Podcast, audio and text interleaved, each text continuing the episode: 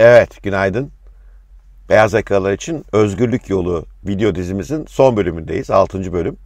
Ee, bugün daha önce de söylemiştim sorularınıza yanıtlar veriyor olacağım. Ee, epey de soru geldi. Sırayla gidelim. Ee, birkaç soru e, hocam iyi takımı nasıl kurarız'a e, odaklı. Çünkü bir yeni girişimin ilk başlangıç aşamalarında e, çok kaliteli insanlara verebileceğiniz çok fazla paranız yok. Yani çok yüksek maaşlarla en kaliteli insanı alayım diyemezsiniz. E, öte yandan e, takımınızın kalitesi de işin kalitesini belirleyecek bir unsur. O yüzden tavsiyem şu yönde. İlk önce ilk birinci aşamada zaten işlerin büyük bölümünü sizin yapmanız gerekiyor işin doğrusu. O yüzden ilk giriş aşamasında takımdan ziyade kişisel performansınıza bağlı. Fakat ilerledikçe tabii takımı kuvvetlendirmek gerekiyor. Ee, sizin özellikle kendinizin zayıf olduğu yönleri tamamlamanız gerekiyor. Ne demek istiyorum bu? Bazımız daha tekniğiz, satış pazarlamamız daha zayıf. Bazımızın tam tersine satış pazarlaması zayıf ama teknik yönümüz zayıf. O yüzden ürünü geliştiremiyoruz. O yüzden eksik yönünüz neyse ona yönelik takım üyesine ihtiyacınız var. Kim olmalı takım üyeniz derseniz size inanan birilerinin olması lazım. Yani bir girişimcinin ilk başta e, etrafında, yakınlarında, dostlarından, akrabalarından, arkadaşlarından ikna edebileceği birilerinin olması lazım. Neye ikna olacaklar?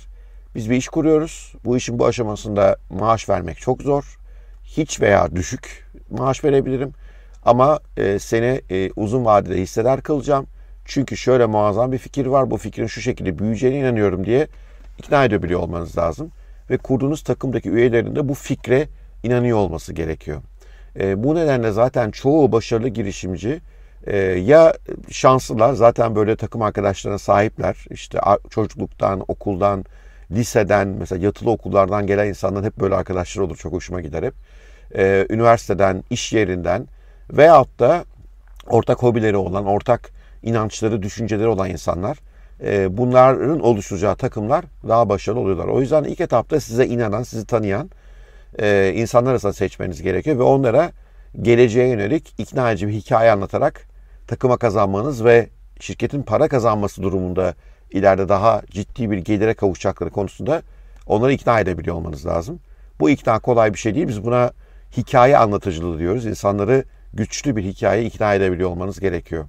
Ve benim en önemli kriterlerimden bir tanesi bu insanlarla iş dışında da beraber olmaktan mutlu oluyor olmanız lazım. Yani ilk başta böyle profesyonellik falan değil konu. İlk başta 7-24 sürekli beraber çalışacağınız için birbirinizi seviyor olmanız takım üyeler olarak e, son derece kritik diye düşünüyorum. E, biraz başka bir soru şöyleydi. E, bu süreçlere başlarken akraba ve arkadaşlara süreçler ne kadar söz etmek gerekir? Onlardan bu anlamda faydalanmaya çalışmalı mı, uzak mı durmalı? E, Valla bunun cevabı kişiden kişiye ve akrabadan akrabaya değişir diyeyim. E, ama evliyseniz eşinize mutlaka anlatmalısınız. Onu garanti verebilirim. E, çünkü bu çok zorlu bir süreç maddi ve manevi olarak ve eşinizin bu konudaki tam inancını, tam desteğini almadan yola çıkarsanız yoldaki tökezlemeler sırasında e, eviniz, yuvanız bile bu işten etkileniyor olabilir. E, o yüzden eşinizi veya size bağlı olan, ekonomik olarak size bağımlı olan birinci derecede başka akrabalar varsa onlarla bir kere konuşmak ve önümüzdeki bir, bir iki yılın zorlu geçeceğini, belki tüketimin e, beklenen standartlarda olmayacağını, e, eve geç geleceğinizi, e, çoluk çocuğu bir süre göremeyeceğinizi anlatmanız gerekiyor. Buna önem veriyorum. Çünkü bu hakikaten zor bir iş ve bu zor bir iş konusunda ne kadar zor olacağı konusunda da akrabaların biliyor olması lazım. İkincisi faydalanabilir misiniz? Tabii faydalanabilirsiniz. Neden olmasın? E, bu tabii çevrenize bağlı. Akrabalarınız için size uygun becerisi olan, yakın ilişkinizin olan, birbirinize güvenli insanlar varsa harika. E, çünkü çoğu işletme aile işletmesi olarak kuruluyor, kuruluyor ve çekirdekte birbirine güvenen, sayan insanlar son derece önemliler. E, fakat burada bazı kuralları yine bir profesyonel gibi oturtmakta fayda var. Daha ilk günden şirketten para nasıl çekilir, mesai saatleri ne olacak, e, gün, işte bekle hedefler ne gibi. E, çünkü öbür türlü yani bu ilişkinin profesyonel yönlerini tanımlamazsanız e, ileride başka çatışmaların önü açılabiliyor. Bundan kaçınmak adına akrabalarla da olsa işi biraz da profesyonel tanımlamak lazım ve mümkünse ayarlanmak lazım. Ama tekrar söylüyorum evliyseniz eşinize, çoluk çocuğunuza mutlaka durumu anlatmanız lazım. Çünkü bunun zorluklarını da onlar çekecekler. İleride başarıya ulaştığınızda bunun e, meyvelerini onlar toplayacaklar. size ortak olmaları lazım. Derdinize ortak olmaları lazım. Mutluluğunuza ortak olmaları lazım. Hatta belki de size fiilen destek oluyor olmaları da gerekiyor. O yüzden onlarla da bir e, mutlaka bu konuda konuşmanız gerekir. Başka bir soru. E, bir arkadaşımız demiş ki ben e, butik turist rehberliği yapmak istiyorum. Dünyanın böyle ilginç yerlerine e, insanları götürüp bugünkü turizm hizmetleri gibi değil, daha butik, daha kaliteli bir hizmet vermek istiyorum diye. E, ben de eski bir turist rehberiyim. Üniversitede yaptım bu işi. Ne isteme, ne yapmaya çalıştığınızı kısmen anladım diye düşünüyorum. E, hocam ne yapayım, nereden başlayayım, nasıl tanıtayım kendimi demiş. E, benim bu şekilde e, işbirliği yaptığım zaman zaman gezilerine katıldığım bir ajans var. Adını vereyim ya biraz da reklam olsun çok başarılıdır. Far and Away diye. Far and Away. Karı kocalar ve dünyanın en enteresan yerlerine insanları götürüyorlar ve dünyada bu butik turizm konusunda en saygı gören, e, saygı duyan, e, görülen firmalardan bir tanesi. Bir sürü ödülleri falan var. E, onların hikayesinden yola çıkarak şunu söyleyebilirim sevgili kardeşim. E, öncelikle dar bir alana odaklan. Yani atıyorum e, Kolombiya'nın en e, muazzam rehberi ol.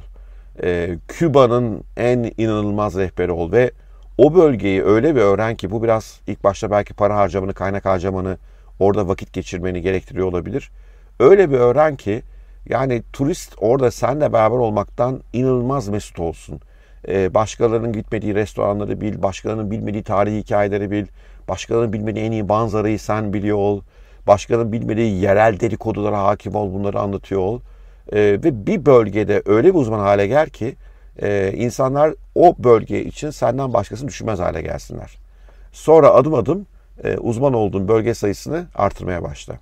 E, ilk başta kişisel bir iş yapacaksın. O yüzden isim olarak e, tanınman senin çok önemli. Bir hemen e, blog tutmanı, blog açmanı ve bu uzmanlaşmak istediğin bölge konusunda şimdiden çok sayıda paylaşımda bulunmanı ve Google aramalarında o bölgeyle ilgili bir seyahat araması yapan insanın ilk karşısına çıkan e, insan olmanı, bilginle, e, görgünle, fotoğraflarınla, hikayelerle olmanı tavsiye ederim.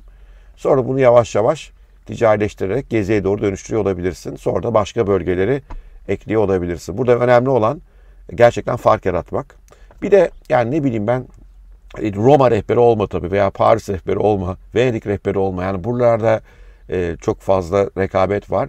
Biraz daha e, zor gidilen bölgeler, insanın az gittiği, merak ettiği bölgelere uzmanlaşmak da iyi olabilir. Çünkü zaten üst gelir grubuna hitap eden bir iş yapmayı düşünüyorsunuz. Üst gelir grubuna hitap eden işlerde de biraz daha ekstrem noktaların rehberliği olabilir. Mesela atıyorum Güney Kutbu. E, orada rehberlik yapılır bilemedim ama mesela e, Sibirya bu e, Doğu Ekspresi gibi bir sürü çok enteresan yerler var. bu Sibirya Ekspresi gibi affedersiniz. Rehberliğin yapılabileceği böyle biraz daha az gidilen, az bölünen, yeni keşfedilen bölgeleri seçip buralar uzmanlaşman yararlı olabilir diye düşünüyorum. bir başka arkadaş şöyle. Hocam haftanın 7 günü yabancısı olduğum bir Anadolu ilçesinde çalışan bir inşaat mühendisiyim. Bu ağır şartlardan çıkış olarak kendi işimi kurmayı görüyorum. Ama henüz ne iş yapacağımı bilmiyorum. E, Valla ne iş yapacağınızı bilmiyorsanız yardımcı hiç olamıyorum ne yazık ki. İnşaat alanında hani boşluklar var mı, alanlar var mı demiş. Bilmiyorum. Hani çok kabaca işte akıllı binalar, akıllı inşaatlar gelişiyor. Yeşil bina, yeşil inşaat işleri gelişiyor. Buralardaki e, çeşitli ürün ve hizmet açıkları var diye düşünüyorum. İleride binaların e, kendi enerjisiyle e, ve kendi su döngüsüyle besleniyor olması önem kazanacak. E, buralarda bir uzmanlaşmada fayda olabilir düşünüyorum ama hani şu alanda boşluk var diyemem. Onu siz keşfedeceksiniz açıkçası. E, insanların neye ihtiyacı var, dünya nereye gidiyor konusunda. Ve inşaat tahmin ediyorum ki önümüzdeki yıllarda önemli değişimlere girecek. Çünkü şimdiye kadar pek girmedi. Ee, öncüsü işaretler Airbnb mesela inşaat işine giriyor. Kendi binalarını yapmaya başladı. Amazon kendi binalarını akıllı evlerini yapmak için bir firmayı satın aldı. Yani burada böyle binaların zekileşmesi, akıllı hale, kendi kendine yeterli, çevresel olarak daha e, baş firmada dönüşmesi konusunda epey bir girişimler var ama gerisi de çok bilmiyorum. Ne yazık ki iş fikrini sizden başka bulacak kimse yok. Ve eğer bir iş fikriniz yoksa aman diyeyim iş olsun diye de soyunmayın. Kafanıza takılan şurada bir fırsat var dediğiniz gibi bir alanı bir incelerseniz belki o zaman önünüze Türkiye'de olmayan veya bölgemizde olmayan e, bir takım fırsatlar e, çıkıyor olacaktır. Oradan bakabilirsiniz diye düşünüyorum. Başka vardı epey bir tane daha var. Şuraya bir kusura bakmayın ekrana bakayım hatırlamak daha kolay oluyor bu şekilde. E, başka bir hanımefendi e, ben de kendi markamı yaratma sürecindeyim.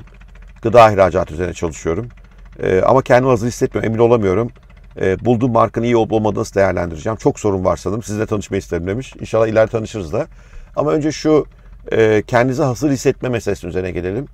Hiçbir zaman girişimcilik için kendinizi tam hazır hissetmeyeceksiniz. Yani özellikle uzun süredir beyaz yakalı olarak çalışıyorsanız, e, memur bir aileden geliyorsanız buna tam bir kendini hazır hissetme durumu söz konusu bile değil.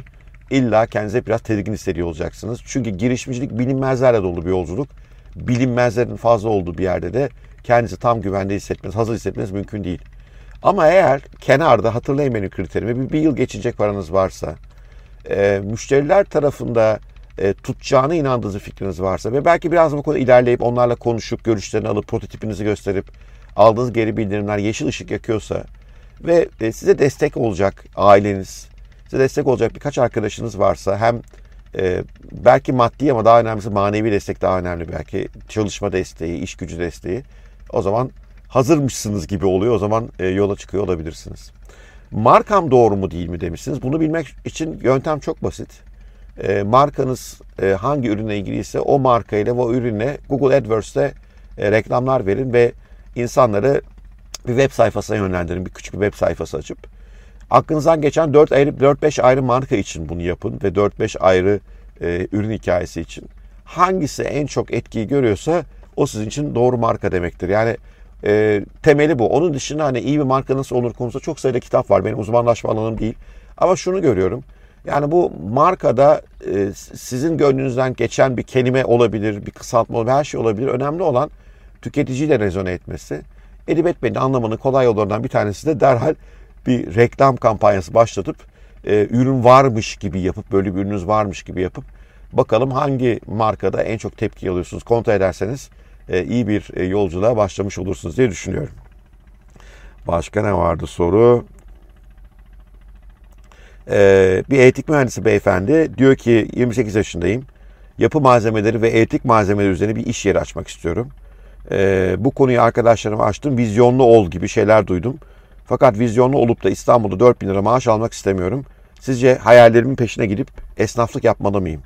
Yoksa İstanbul'da kalıp hayatımı idare, idame ettirmeliyim? Şimdi esnaflık çok rekabetin yoğun olduğu bir alan. E, neden? İşte giriş e, bariyeri olmayan bir iş kolu bu.